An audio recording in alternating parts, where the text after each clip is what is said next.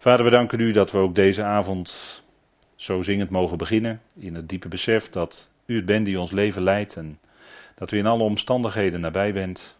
Vader, in gezondheid, in ziekte, in goede dagen, in mindere dagen. U bent er altijd, Vader, en u verandert niet. U bent altijd liefde. En u omgeeft ons leven van voor en achter. En ja, Vader, ook als er verdriet is, dan hebben we troost bij u. U bent de God van alle vertroosting. U bent de Vader van het medelijden. En we kunnen altijd bij u terecht met alles wat op ons hart is. Vader, dank u wel dat we van u zijn. Dat we altijd dicht bij u kunnen schuilen en ons geborgen mogen weten in uw liefde. Vader, dank u wel dat we geroepenen zijn met een hoge roeping, waar de Efeziërs van getuigt. Vader, een roeping niet op aarde straks, maar boven, te midden van de hemelsen. Dank u wel dat u ons dat toekomstperspectief geeft en dat het vast en zeker is. Vader, dank u wel voor uw liefde, genade en trouw. Dat u ook deze avond ons nabij wil zijn in het luisteren, in het spreken. Geef dat we onze eigen gedachten opzij kunnen zetten. Beweegt u ons hart. Spreekt u ons aan. Bemoedig, versterk. En we danken u dat dat woord dat allemaal doet. Vader, u bent de groot God en we danken u voor uw geliefde zoon. In zijn naam. Amen. Ja, de Efezebrief en we lezen met elkaar Efeze 2. Efeze 2. En dan wil ik graag met u lezen vanaf vers 1 tot en met vers 7. En ik doe dat zelf uit de, zomaar te zeggen, de papieren versie zoals we die uh, hebben.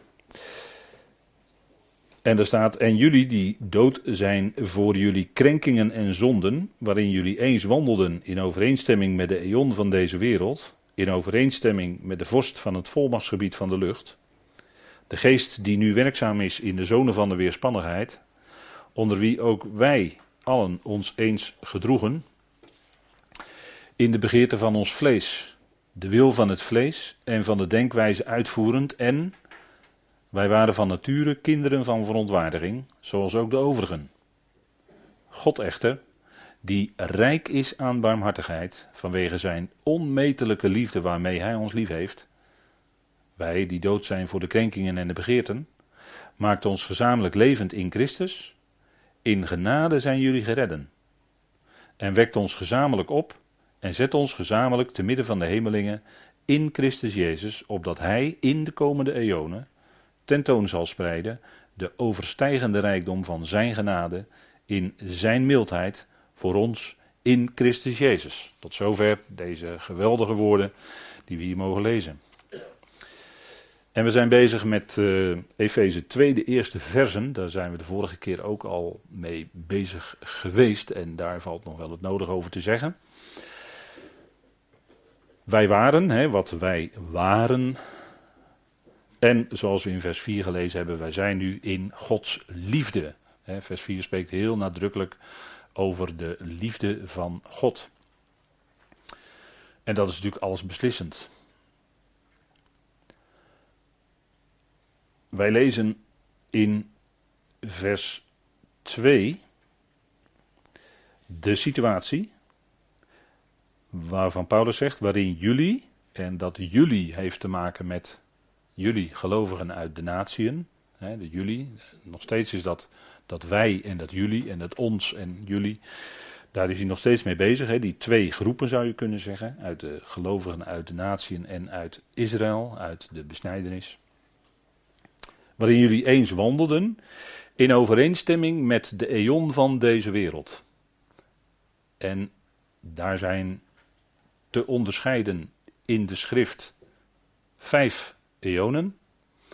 En in dat hele bestek voert God zijn plan uit in Christus Jezus. Het voornemen staat er eigenlijk in Efeze 3 van de eonen. En dat blijken er volgens de schrift vijf te zijn. En dat is natuurlijk wel mooi, want vijf is nu eenmaal het getal van de genade. Hè?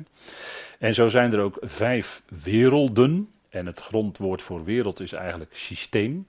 En het woord wereld spreekt eigenlijk van een systematische ordening in een bepaalde periode. En de eon, het begrip eon, of in het Grieks aion, spreekt van een bepaalde tijd. Soms een onafzien, bijna onafzienbaar lange tijd, maar toch een tijd die ook een zeker einde kent. De schrift spreekt ook over de einden van de eonen. Meervoud, hè, allebei. 1 Korinthe 10 vers 11. Denk je dat u wel bekend is, hè? De einden van de eonen. Dus die eonen hebben een einde. Dat anders is het niet. Het is geen eindeloze eeuwigheid. Maar het is een bepaalde beperkte tijdsduur. Hè? En iedere wereld, zou je kunnen zeggen, heeft ook een bepaalde tijd. Dus ieder, ieder systeem, en dat eerste systeem, de eerste eon, waar Genesis 1 vers 1, laten we maar heel kort even, is een systematische ordening die toen was. En die is nedergeworpen geworden. Vandaar dat er meerdere keren in de Griekse schrift gesproken wordt over de nederwerping van de wereld. dat Griekse woord katabole, dat betekent letterlijk nederwerpen. Kata is neer en bola is afkomstig van het Griekse werkwoord ballo. En dat betekent werpen, dus nederwerping van de wereld. Geheel in tegenstelling tot de vertalingen die spreken over grondlegging. Maar het woord grondlegging is in het Grieks het woord temelios. En dat betekent met zorg iets plaatsen. Als je het letterlijk vertaalt. Hè. Dat zijn de, de, de, grond, de grondbegrippen in het Grieks. Met zorg iets plaatsen. Temelios of temelion. Dat is het, werk, dat is het woord voor grondlegging. En ten onrechte wordt er dan in de teksten vertaald, in de vertalingen, de grondlegging van de wereld. Klopt niet. Er staat nederwerping. Als je het letterlijk het Grieks volgt. Hè? En uh, ja, dat moeten we toch steeds blijven doen. We, we kijken steeds naar de grondtekst. Wat staat er nou precies in het Grieks? En dat volgen wij nauwgezet. En dan, uh, ja, dan kun je eigenlijk geen kant op. Dat is het mooie van uh, de concordante methode ook. Je keert altijd terug naar de grondtekst en je let op de tekstverband waar het in staat. En dan kun je geen kant op. Dan, dan is het, uh, daar, dat pint jou vast. Ook als vertaler zijnde. Dan is er geen ruimte voor menselijke interpretatie. Maar dan moet je echt volgen wat er staat geschreven. Dat is het mooie van de concordante methode. En ogenblikkelijk daar waar mensen toch met eigen redeneringen komen, daarin zie je dat men zegt, ja, er staat wel in de grondtekst dit, maar, en dan komt er een heel lang verhaal, en dan betekent dat eigenlijk iets anders. Dan komt er een ander woord tevoorschijn. Kan je niet doen? Kan je niet doen. Wat dat betreft uh, kun je gewoon met de concordante methode heel kort door de bocht zijn. Dat, dat staat er in het Grieks. En dat is met het woord nederwerping ook belangrijk natuurlijk. de wereld werd toen nedergeworpen. En dat is wat het is. Het was niet de grondlegging van de wereld, nee, het was de nederwerping van de wereld.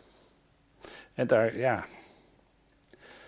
Daar kun je niet mee. Uh, Paulus die zegt ook dat er uh, velen waren, ook in zijn dagen al, die, um, ja, die, die, die, die voerden eigenlijk een beetje handel met het woord van God. Hè? En dan moet ik denken aan wat in 2 Korinthe 2 staat. Daar staat dat Paulus zegt: in 2 Korinthe 2 dat, er, dat, hij, dat zij niet zo zijn zoals velen die het woord van God, hè, die het, vers 17, want wij zijn niet als zoveel die handel drijven met het woord van God. Maar als uit oprechtheid, maar als uit God, voor Gods aangezicht, spreken wij in Christus. Dat is wat hij doet. Dus je kan niet uh, handel drijven met het woord van God als ware daarmee uh, marchanderen. Hè? Je, je, kan daar niet mee. Uh, ja, dat, dat, is geen handelswaar. Dat kan je niet zomaar uitwisselen tegen een mooie gedachte die jij misschien zelf hebt. Of die jij misschien in jouw opleiding geleerd hebt. Dat, dat, kan, dat kan je niet doen. Nee, dat is precies exact volgen wat er geschreven staat. Dat is wat we zouden doen. Hè? En uh, dat geldt ook voor het woord wereld. Dat betekent niet de aarde, maar dat is een bepaald systeem. Een systematische ordening van de samenleving gedurende een bepaalde tijdperiode. En dat is uh, gedurende een bepaalde aion. En daarom is ook het afgeleide woord van aion, aionion, dat is datgene wat behoort bij een aion of aionen. Hè? Als we het hebben over eonisch leven, dan is dat leven hebben in de komende eonen. Dus dat, behoort, dat is een leven wat behoort in die. Hè? In die aion zijn er levenden, maar er zijn ook mensen die dan dood zijn. Totdat die aionen voorbij zijn, dan wordt het weer anders. Dus je moet steeds kijken naar wat, ja, wat zo'n begrip, hè, dat is heel belangrijk. De eon van deze wereld. En dat is in deze tijd, is het wat, wat Paulus dan noemt de tegenwoordige, of de, die nu is, de tegenwoordige boze eon. De eon die er nu is. En dat is waar we nu in leven. Hè. Dat, die heeft een boos karakter. Daarin heeft de boze behoorlijk veel invloed, laat ik het zo maar zeggen. In de tweede Korinthebrief, waar we net al even in lazen, daar wordt in het vierde hoofdstuk wordt die ook genoemd de God met een kleine letter G, kleine letter G, de God van deze eon. Zo wordt de tegenwerker genoemd. Dus die in deze tijd beïnvloedt de mensheid. Ik liep even vooruit, want de volgende slide spreekt daarvan. In deze eon, waarom is deze eon zo ingericht, kun je je afvragen. En die loopt van, u ziet er daar boven staan, Genesis 7, dus na de grote vloed bij Noach, tot, aan, tot en met openbaring 19, de ondergang van Babylon. dat, uh, dat hele systeem wat dan even de hoofdrol speelt in de wereld, Babylon, de waarvan Babylon in Irak de hoofdstad dan is, die zal ten onder gaan, dat zegt de openbaring 19, 18. En dan eindigt ook de boze eon. Dus de ondergang van de wetteloze, de ondergang van de valse profeet, het beest, zo u wilt, de kleine horen enzovoort. En dat is dan, markeert dan ook tegelijkertijd de, het werpen van de, de tegenstander, de Satan, in de afgrond, hè, in de abyssos. En dan gaat het deksel erop, weet u wel, verzegeld. Duizend jaar lang zit jij daar. En je mag er niet uit. Je kan ook niet spreken, dat is heel belangrijk, want de slang wil graag spreken. En die wil graag datgene spreken wat Gods woord tegenspreekt. Dat doet hij heel subtiel. Dat is een van zijn hoofdactiviteiten. Dat doet hij heel subtiel. Dat is Gods woord een beetje verleggen. Je weet wat er met rails gebeurt. Hè? Als je die een beetje verlegt, dan uh, moet jij kijken waar je over 100 kilometer bent. Dan ben je heel ver uit de, uit de richting. Maar als je even de wissel een klein beetje omzet, en dat is wat de slang graag wil doen, wissel van Gods woord een klein beetje omzetten, en dan ben je vervolgens uh, heel, eind, uh, heel eind verstreken. Vandaar dat we dicht bij die Griekse tekst toch wel willen blijven. Ja, ja, toch wel. Wil daar heel dichtbij blijven, ja. Kijk, in deze eon laat God de mens, want het wordt, die wordt ook genoemd de dag van de mens. De dag van de mens, de dag waar de mens zichzelf centraal stelt. En een, uh, wat mij betreft, uitnemende schrift uitleggen, die spreekt dan ook over waarin de mens zichzelf tot God maakt. Dus waarin de mens zichzelf, uh, hè, dat is de deificatie van de mens. Moeilijk woord, maar ja. De, waarin de mens zichzelf tot God wil maken.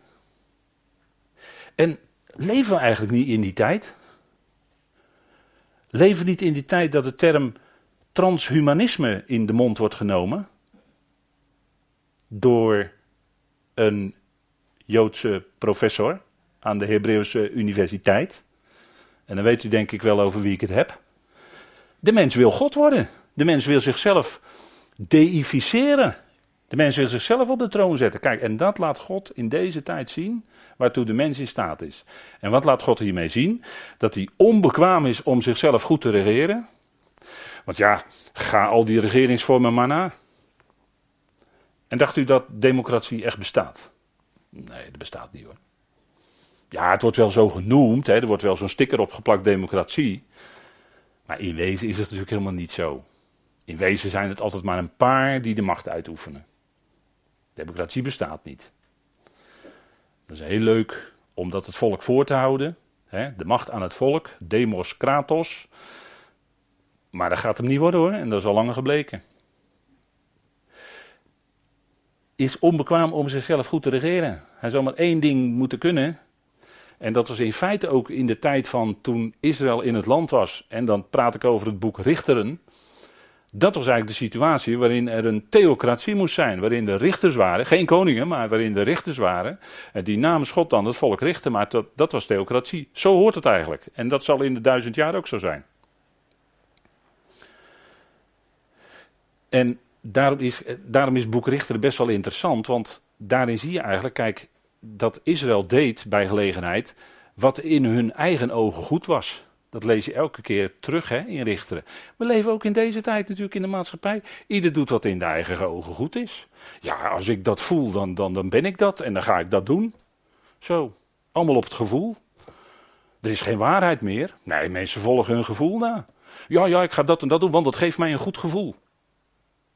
Nou, ik denk dat wij toch anders daarin zitten. Hè? Het gaat niet zo in de eerste plaats omdat je een goed gevoel hebt. Maar het gaat erom wat zegt nou God? Wat zegt nou die schrift? En dan komt dat gevoel er vanzelf wel achteraan, dat goede gevoel. Want dan vind je het een goed gevoel als het overeenstemt met Gods woord. Dat is dan goed, ja, goed als je over gevoel wil praten. Ja, oké.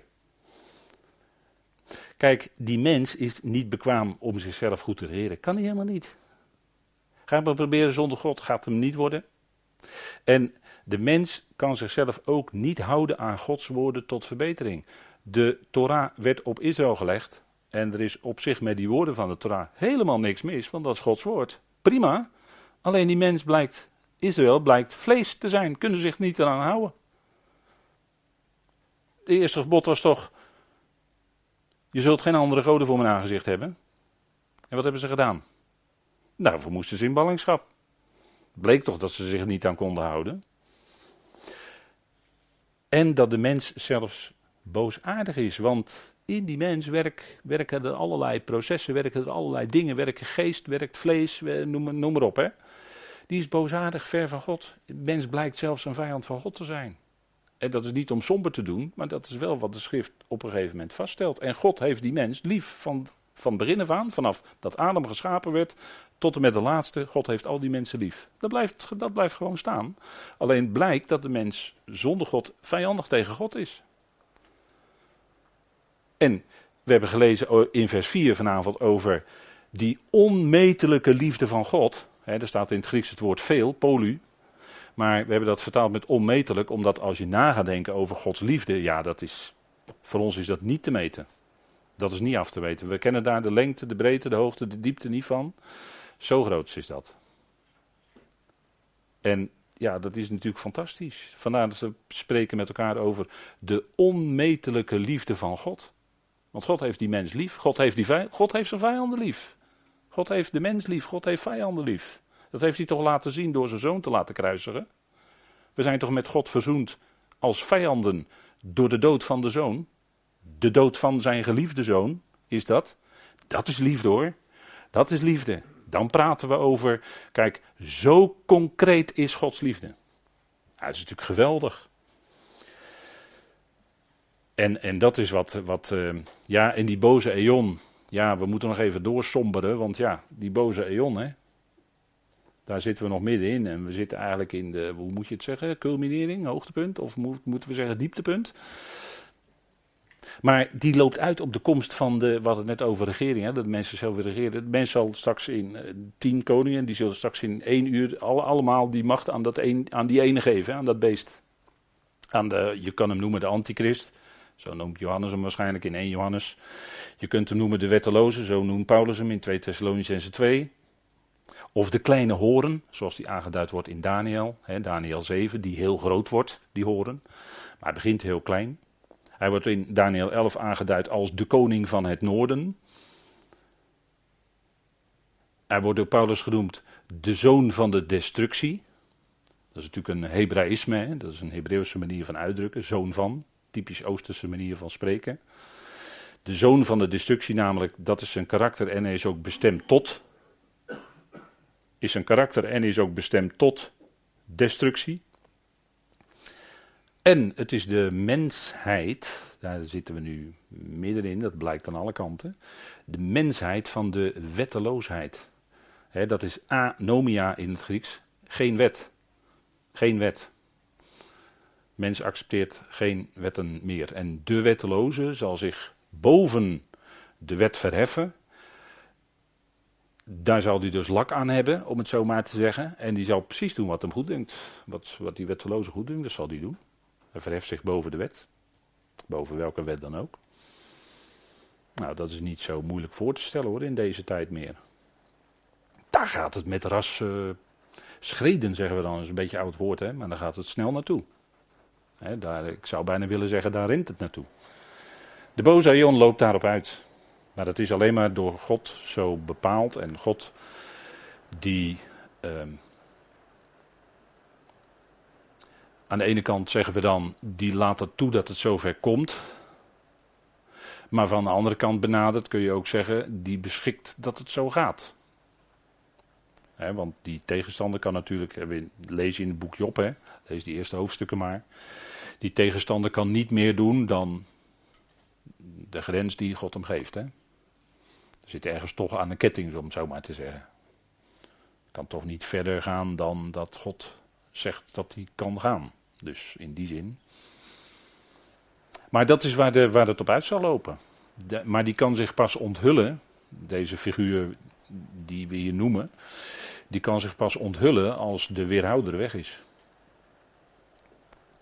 En dan kun je natuurlijk discussiëren over wie, wie of wat dan de weerhouder is.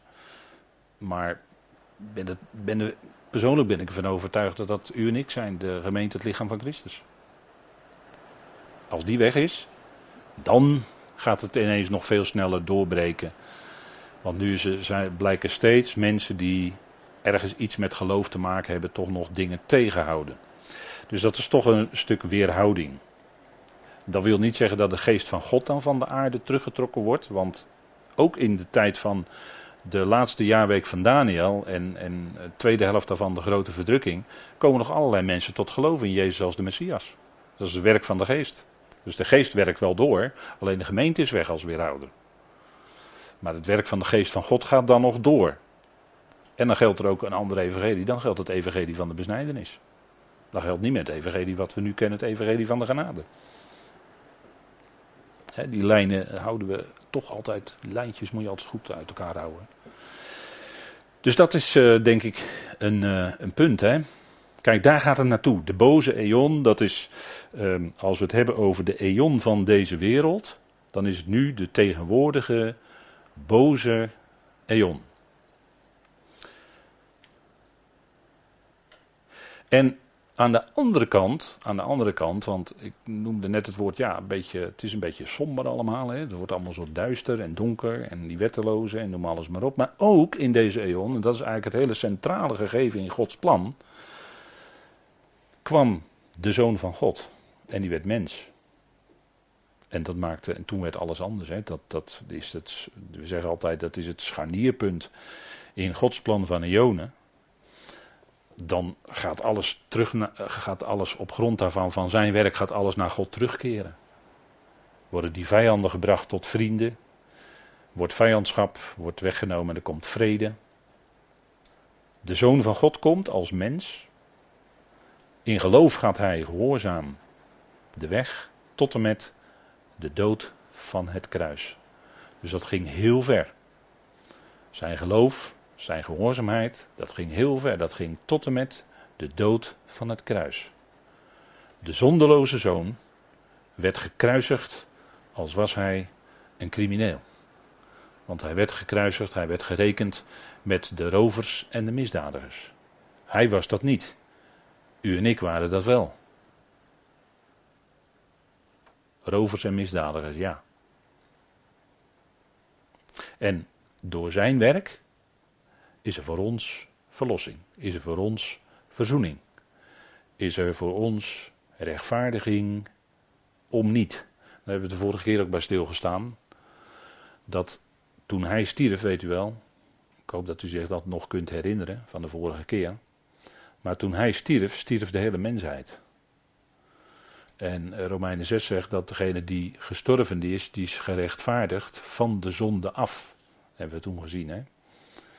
Alleen degenen die nu die rechtvaardiging kennen en smaken en daar blij mee zijn, die zijn door God rechtvaardig verklaard. Hoe?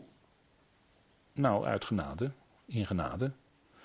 Door geloof, door het geloof van Jezus Christus, door het geloof van Christus. Door zijn bloed, gerechtvaardigd in zijn bloed, zegt Romeinen 5 ook. Dat is, dat is nogal wat hoor. En dan ben je dus rechtvaardig verklaard. Rechtvaardig verklaard. Ook al doe je misschien soms nog wel eens iets wat onterecht is. Niettemin rechtvaardig verklaard door God. God is de rechtvaardiger. En dan kan er ook niemand meer iets tegen inbrengen. Want wie zal iets in kunnen brengen tegen de uitgekozenen van God? Dat is een retorische vraag in Romein 8. Niemand. Er is geen veroordeling mogelijk voor hen die in Christus Jezus zijn. Dat is, dat is denk ik een hele duidelijke zaak. Hè? We zijn niet meer te veroordelen. God heeft ons rechtvaardig verklaard. En verklaart ons rechtvaardig nu. Dat is, dat is wat je in geloof kan accepteren. En dat geloof, ook zelfs dat geloof wat je hebt, dat is ook door God gegeven. Ook nog eens een keer. Dus het is een en al genade. En God tilt ons uit, zegt Paulus, in Galaten 1 vers 4, uit deze boze aion. dus twee keer dat uit. Hè? En dat is niet in de toekomst. Mensen denken soms wel eens dat het uittillen dat het is bij de bazuin van God. Nee, dat is nu. Nu. God tilt u nu uit, uit deze boze aion. Zodat je daar in, in wezen niet meer zo die invloed van hebt. Dat hij niet meer op jou inwerkt, zodat jouw gedrag is als naar het karakter van die aion. Maar dat je gedrag een ander karakter krijgt. Van de geest. En net zoals dat hele grote plan, hè, dat, dat plan van eonen, net zoals het hele grote plan vijf grote tijdperken beslaat, dat is God's story. Hè? History is eigenlijk his story. Het is eigenlijk zijn geschiedenis. En, en uh, soms wordt er ook door mensen wel eens, uh, vind ik, ten onrechte gemaakt. Uh, wordt er ten onrechte onderscheid gemaakt tussen de gewijde, zoals men dat noemt, de gewijde geschiedenis en de ongewijde geschiedenis. Dat verschil bestaat helemaal niet. Alle geschiedenis is Gods geschiedenis. Dat zullen we nou krijgen. Alsof er nog iets aan, aan, aan hem ontkomt of zo. Dacht het niet hoor. Dacht het niet. Nee, God tilt ons uit. Hè. Er staat uitheffen. Dus er staat twee keer het woord ek hier in het Grieks. Tilt ons uit. Uit deze boze eon. En de boze eon, daarin, als we, de gelaten, als we even doordenkt over de gelaten brief. Wat Paulus daarin allemaal te bedden brengt. Is dat het gaat in deze boze eon vooral dat mensen dan de grondregels van de wereld opvolgen. Maar die grondregels van de wereld, die, daar zijn we niet meer aan onderhevig. het, houden van dagen, vaste tijden, maanden, jaren enzovoort. Dat hoort bij de grondregels van de wereld, maar daar staan wij niet meer onder. Wij staan onder, de, onder andere grondregels. Waar Filippenzen 2 en 3 over spreken. Die grondregels. Van God, van de geest. En daar, we zijn dus ontrokken aan die situatie onder de grondregels van de wereld. Lees maar gelaten 4. En we zijn nu gezet in andere principes, die van de nieuwe schepping, de grondregels van de nieuwe schepping. Daar zijn we aan onderhevig.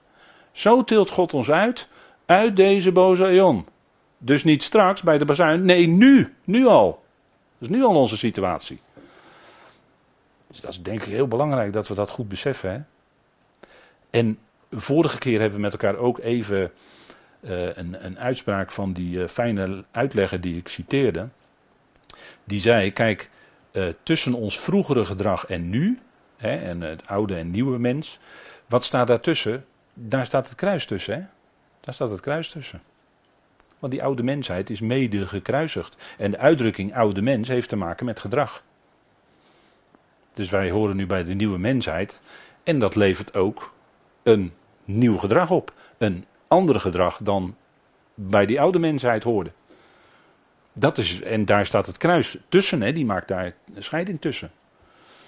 voor degenen die de, de UR's lezen, de Engelse UR als u die heeft, de, George Rogers, die heeft een heel fijn commentaar geschreven op de Romeinenbrief. Die is dat. En dat gaat heel diep, dat commentaar, maar dat is wel heel erg de moeite waard. Dat zijn de consequenties van de genade in je leven, zou je kunnen zeggen. Dat heeft consequenties. Genade is niet uh, holla die vrijblijvend. Maar genade heeft consequenties. Natuurlijk, we zijn, we, zijn, we zijn vrij in Christus, natuurlijk zijn we dat. We zijn niet gebonden aan, aan, aan de grondregels van de wereld of wat dan ook. Maar de genade werkt effectief in ons leven. Dat is ook Romeinen 6. Versus de zonde. En dan heb ik het over het meervoud, hè? zonden.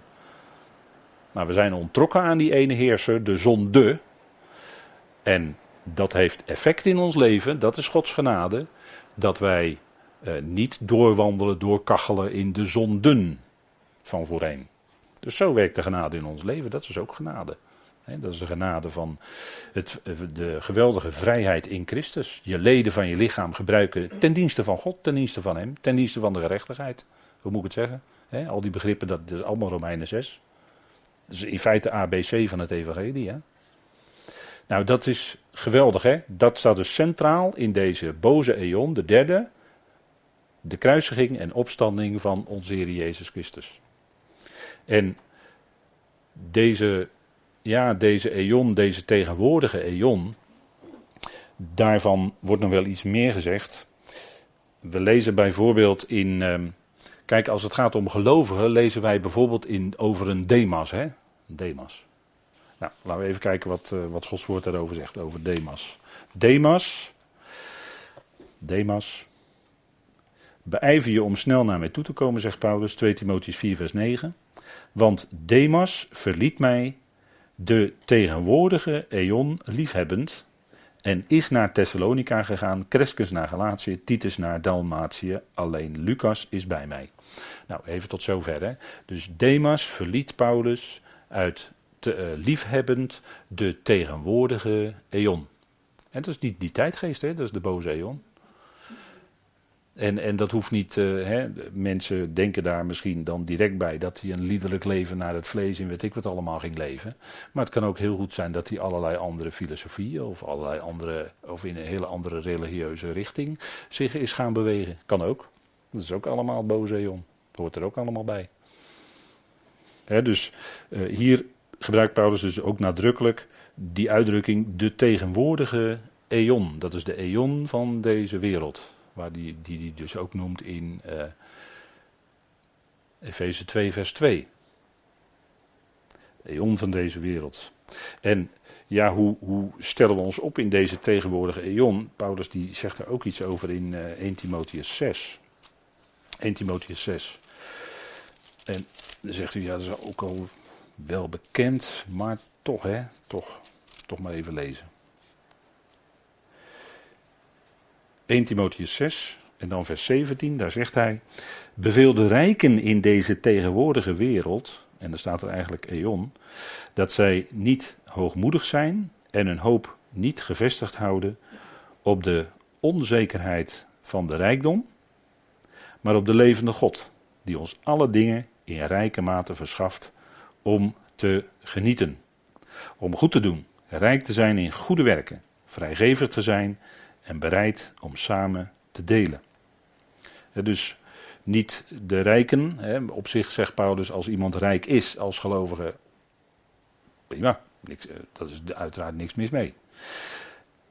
Maar hij zegt wel dat zij niet, de rijken in deze tegenwoordige eeuw, dat ze niet hoogmoedig zijn en hun hoop niet gevestigd houden of hun verwachting niet gevestigd houden op de onzekerheid van de rijkdom, maar op de levende God. En daar gaat het natuurlijk om, want rijkdom, hè, geld, of bezit of zo, dat kan zomaar weg zijn. Dat kan in een dagtijd of dat kan heel snel, kan je dat uit je handen glippen of door je vingers glippen, hoe wil je het zeggen. Kan vleugeltjes krijgen, zegt spreuken, hè. rijkdom kan vleugeltjes krijgen en ineens is het weg. Dat kan zomaar gebeuren.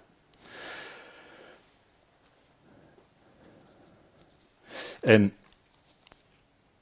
ja, goed, als u, als u een uh, trefwoordregister heeft, kunt u dat zelf ook verder nalopen. Hè? Die teksten die te maken hebben met de tegenwoordige eon. Maar ik denk, dit zijn even een paar highlights die Paulus zo aan Timotheus meegeeft. Hè? Goed, dan kijken we verder in Efeze 2, vers 2. En daar staat dat het vroegere situatie was van de gelovigen, van ons als gelovigen, voordat we tot geloof kwamen, zoals ze dat dan zeggen in ons jargon. Dat, dat was in overeenstemming met de vorst van het volmachtsgebied van de lucht. De vorst van het volmachtsgebied van de lucht, daar hadden we het net al even over. Dat is dezelfde als uh, de God van deze eon. de Satan die wil graag de gedachten van de mensen verblinden. Dus die eh, is altijd bezig natuurlijk met. Die is altijd natuurlijk bezig vanuit duisternis met duisternis, hè, de Satan. Dus die wil de gedachten van de mensen verblinden, zodat ze niet het evangelie van de heerlijkheid van Christus kunnen waarnemen of tot hen doordringt, of hoe je het ook wil zeggen. U ziet waar, die, waar zijn activiteiten zijn, dat is met het evangelie. Zodat het evangelie, het goede nieuws, van de heerlijkheid van Christus niet in hun hart gaat stralen. Niet dat licht geeft in hun hart. Dus die, dat is, dat is uh, de vorst. Hè? De, de vorst. Paulus zegt in overeenstemming met de vorst van het volmachtsgebied van de lucht. En we zien dus hier dat, dat ja, die hele Efezebrief, die heeft zo'n sterk geestelijk karakter, om het zo maar te zeggen, dat ook hier zien we dus de, de, de diepere oorzaken, om het zo maar te zeggen, die het gedrag van de mensen beïnvloeden. Dat heeft een geestelijke oorzaak. Dan kan je natuurlijk heel kijken naar uh, wat mensen willen enzovoort. Maar hoe komt dat? Hoe komt dat dat mensen dingen doen? Nou, dat heeft allerlei oorzaken. En de vorst van het volmachtsgebied van de lucht, die is daar, uh, ja, die heeft een heel. Uh, er staan heel wat van, de, van zijn medewerkers hem ten dienste. Maar uh, we hebben de vorige keer ook gezien, hè.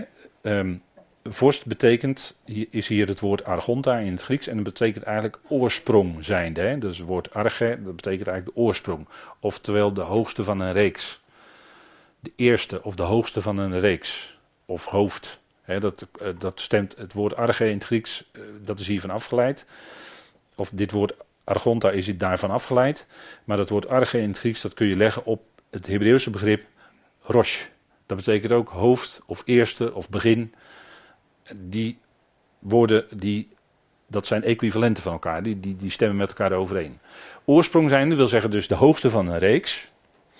En waarvan is de tegenstander, of de, of de diabolos, de doorheenwerper wordt hij ook genoemd. Dat is ook een van zijn, hè, de gedachten van de mensen door elkaar werpen en zo. Hè, dat, dat, hè. Verwarring zaaien dus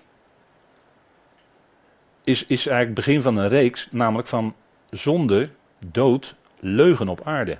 En dat is wat de Heer Jezus zegt hè, in Johannes 8, vers 44. En ik denk dat het goed is om uh, dat even met elkaar te lezen. Dat is wat de Heer zegt.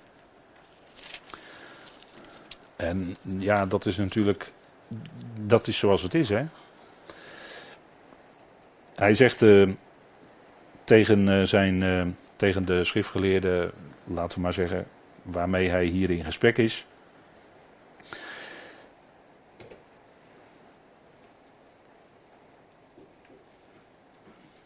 Waarom begrijpen jullie niet wat ik zeg? Johannes 8, vers 43. Of letterlijk staat er dan: Waarom kent u mijn spreken niet? Het staat in de staat, herziende staat van keurig netjes onderaan. Wat er dan iets preciezer nog staat. Letterlijk kent u mijn spreken niet, omdat u mijn woord niet kunt horen. En bij het spreken van dat woord, daar, en daar is dus uh, oneenigheid of verwarring over. En we zien dan waar de Heer ook over gaat spreken. Want zij zeggen, ja, wij zijn zonen van Abraham. En hij zegt dan, jullie zijn uit de vader de duivel. De diabolos, hè, de, de dooreenwerpen. En jullie willen de begeerten of verlangens van jullie vader doen. Die was een mensenmoordenaar van het begin af en staat niet in de waarheid, want er is in hem geen waarheid. Wanneer hij de leugen spreekt, spreekt hij vanuit wat van hemzelf is. Want hij is een leugenaar en de vader ervan. Dus dat is naar zijn aard, hè? Zo is hij ook geschapen. De vader van de leugen, mensenmoorden van de beginnen. Hebreeën 2 zegt ook, hij heeft het geweld van de dood Dus hij jaagt mensen, wil graag mensen angst aanjagen voor de dood enzovoort. Dat is wat de diabolos is, hè? Dat is de vorst van het volmachtsgebied van de lucht. De lucht. Dat is wat om ons heen is. Dat is de eerste laag. Dus wij, wij spreken dan graag uh, naar onze kennis over uh, atmosferen. Maar de eerste laag hè, boven de aarde is dan de, de lucht. Laat me zeggen, de, dat is de laag die op de aarde berust. Of op de aarde rust. De lucht. En hij is dan vorst en dat is dan kennelijk een gegeven volmacht, hè, want hier wordt gesproken over volmacht. En we hebben dat dan als vertalers aangevuld met gebied, hè, volmachtsgebied van de lucht. Maar u ziet dan, gebied staat hier dun gedrukt hè, in de concordante vertaling, dus dat staat niet letterlijk in het Grieks. In het Grieks staat letterlijk het woord exousia, dat is volmacht. Maar gelet op hier op de context hebben we gemeend te kunnen vertalen volmachtsgebied van de lucht. Dat is toch een bepaald gebied, zou je kunnen zeggen. Daar heeft hij volmacht gekregen. En iemand die gevolmachtigd is, is dat altijd van bovenaf. Pilatus was gevolmachtigde door de keizer in Rome. Maar de keizer in Rome stond boven hem. Zo is de diabolos, de gevolmachtigde, de, de vorst van het volmachtsgebied van de lucht. Wie staat boven de diabolos? Nou, God zelf, hè? God de Vader. Die staat daarboven. Die heeft hem die volmacht gegeven om dat te kunnen doen. En het kan niet maar tot een bepaalde grens. Hè. Dus daar is sterk begrensd wat dat betreft. Maar wel wat de Heer Jezus natuurlijk hier zegt. Hè. Hij is, is de eerste van een reeks zonden. Hè, geweld van de dood. En van de leugen. Hij is de vader van de leugen. God liegt natuurlijk nooit. Die, God kan niet liegen. God spreekt per definitie waarheid. En het tegenovergestelde daarvan is de diabolos. Die spreekt per definitie leugen. Dus dat is een grote jokkenbrok. die, die spreekt naar zijn aard. En die probeert steeds mensen te, af te leiden van wat God werkelijk gezegd heeft. Zou het ook zo kunnen zijn dat God gezegd heeft? Vraagteken.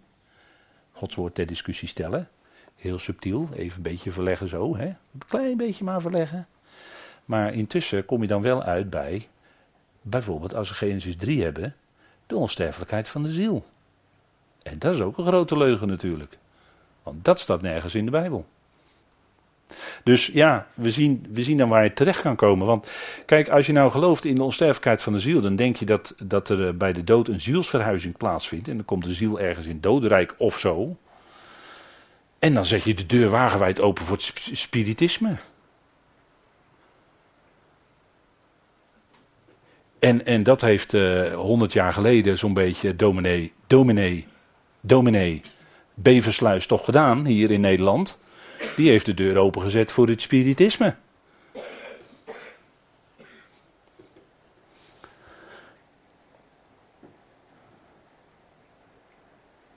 En oh, dat was ook honderd jaar geleden. Dat was ook in, in de vorige eeuw, twintige jaar. Daar had je de kwestie, had je de kwestie geelkerken. Weet je, moet, moet u maar eens nou, nou, nou, zoeken. Zoek op internet, sorry.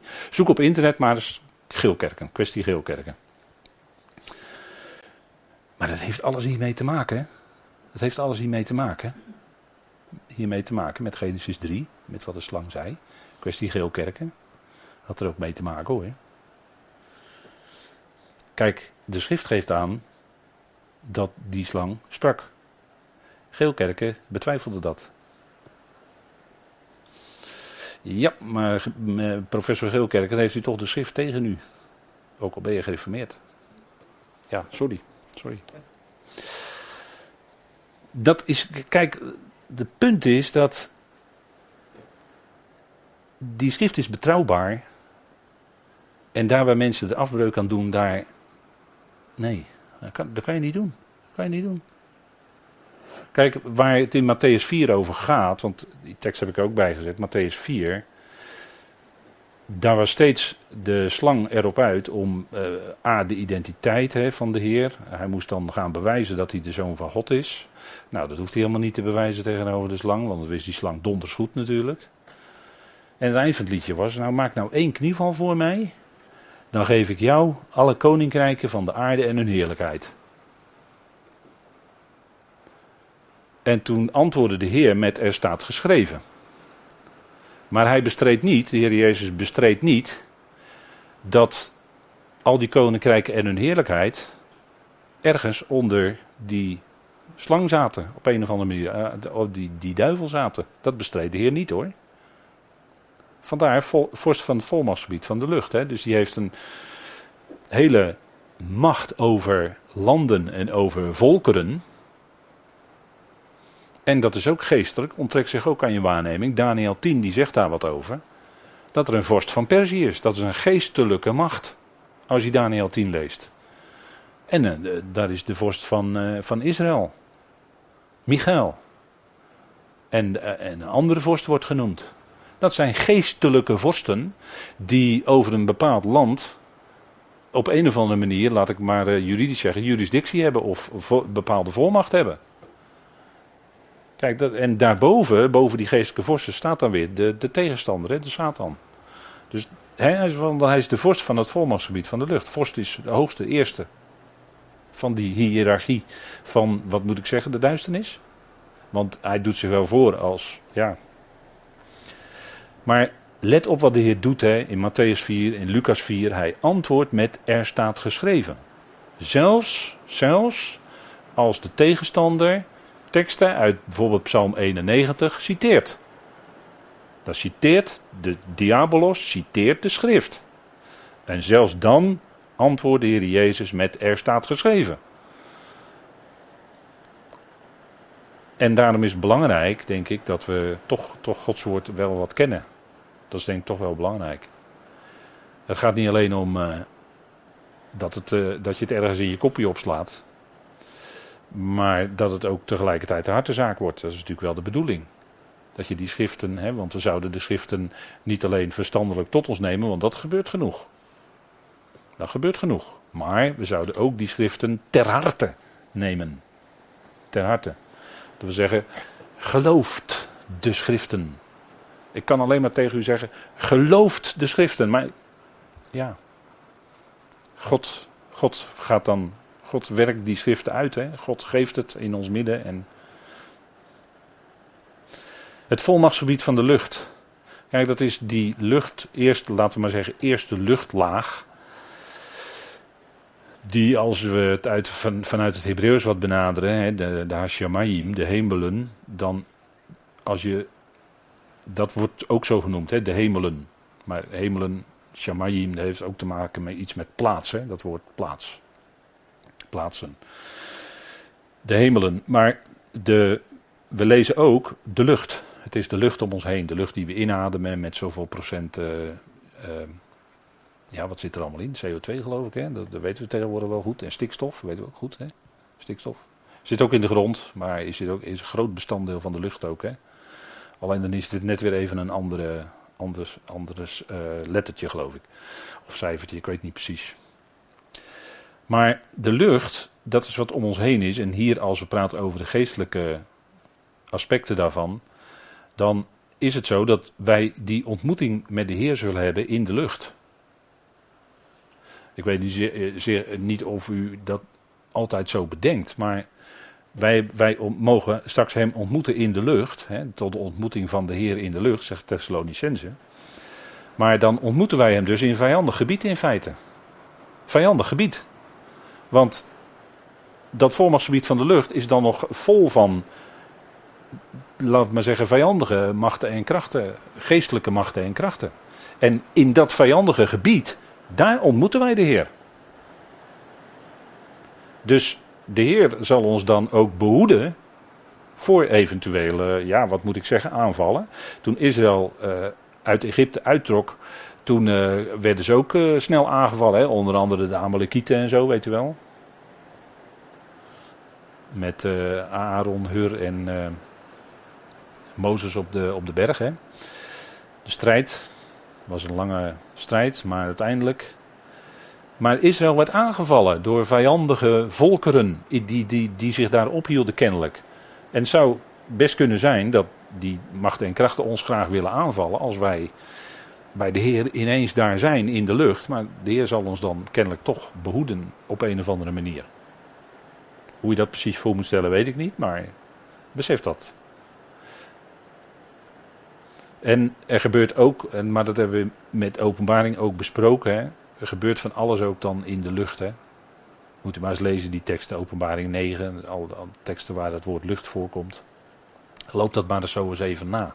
Heeft een klein beetje idee van wat de schrift daarvan zegt. Tot de ontmoeting van de Heer in de lucht. Het volmachtsgebied van de lucht. En daarnet hadden we het al even over de, een van de belangrijke activiteiten van de tegenstander. En dat is dit, wat we in 2 Korinthe 11 lezen. Want die Corinthiërs die hadden de neiging om ook andere apostelen na te lopen. En daarvan zegt Paulus, want zodanige zijn valse apostelen, bedriegelijke werkers, dus, dus nog scherp hier, hè, die omgezet worden. Hè, dat omzetten is, duidt op een verandering. Hè, die ondergaan als het ware een metamorfose en dan lijkt het net echt. Die omgezet worden in apostelen van Christus. En dat wekt geen verbazing, want de Satan zelf wordt omgezet in een boodschapper van licht. En dan lijkt het net licht. Maar dan is het bedriegelijk licht. Dan is het in feite vals licht. Het is geen groot ding dan, indien ook zijn dienaren omgezet worden als dienaren van gerechtigheid, waarvan de voltooiing zal zijn in overeenstemming met hun werken. En wat moet je dan daarbij voorstellen? Dienaren van gerechtigheid. Wij gaan bouwen aan een godsrijk op aarde. Wij gaan gerechtigheid brengen op aarde. Daar gaan wij heel hard aan werken. Om dat rijk van God op aarde hier gestalte te geven.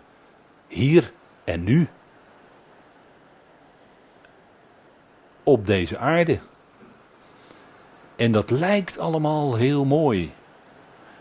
met, met als doelstelling de mensheid te gaan onderwijzen en zo de mensheid op een hoger plan te brengen en de mensheid te verbeteren.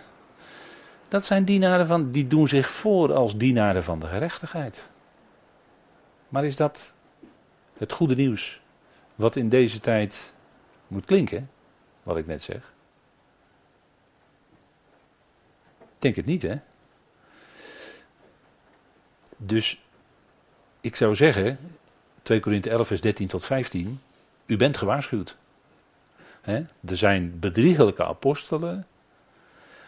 Of je kunt ook zeggen, als je het woord vertaalt, afgevaardigden. Dan vertaal je het in het Nederlands, maar goed.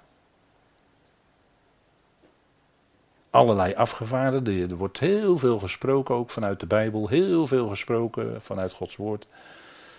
Maar is het dan ook wat God bedoelt voor deze tijd? Dat kun je afvragen natuurlijk. Hè? En dat haal je langs de toets van Gods woord natuurlijk. We zouden toetsen en behouden wat goed is.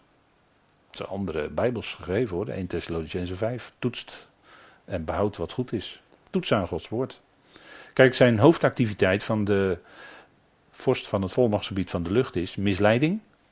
Dat is zijn hoofdactiviteit, misleiding. Het lijkt licht, maar het is niet. Het is er net naast. Bedrog. Bedriegelijke werkers. En dat is eigenlijk op alle gebied. In afwijking van Gods woord. Dus die tegenwerker is bezig om de mensen te laten afwijken. Als het maar afwijken is van Gods woord.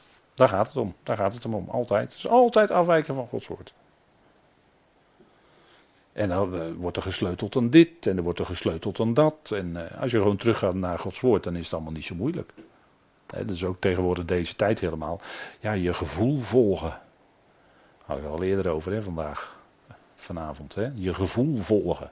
Moet je nou je gevoel volgen? Of zou je eerst kijken, wat zegt God nou eigenlijk? En zou dat niet dan bij je verbinden iets, een, hè, een lampje kunnen aandoen van, hé, hey, wacht even, wacht even. Het kan wel eens anders zijn dan dat ik voel. Zeker. Gods woord blijft leidend met EI. En dat is denk ik waar, wat we heel goed aan doen om daarop te letten. 2 Korinthe 11 nogmaals, we zijn gewaarschuwd nu. Hè? Goed, zullen we even met elkaar pauzeren?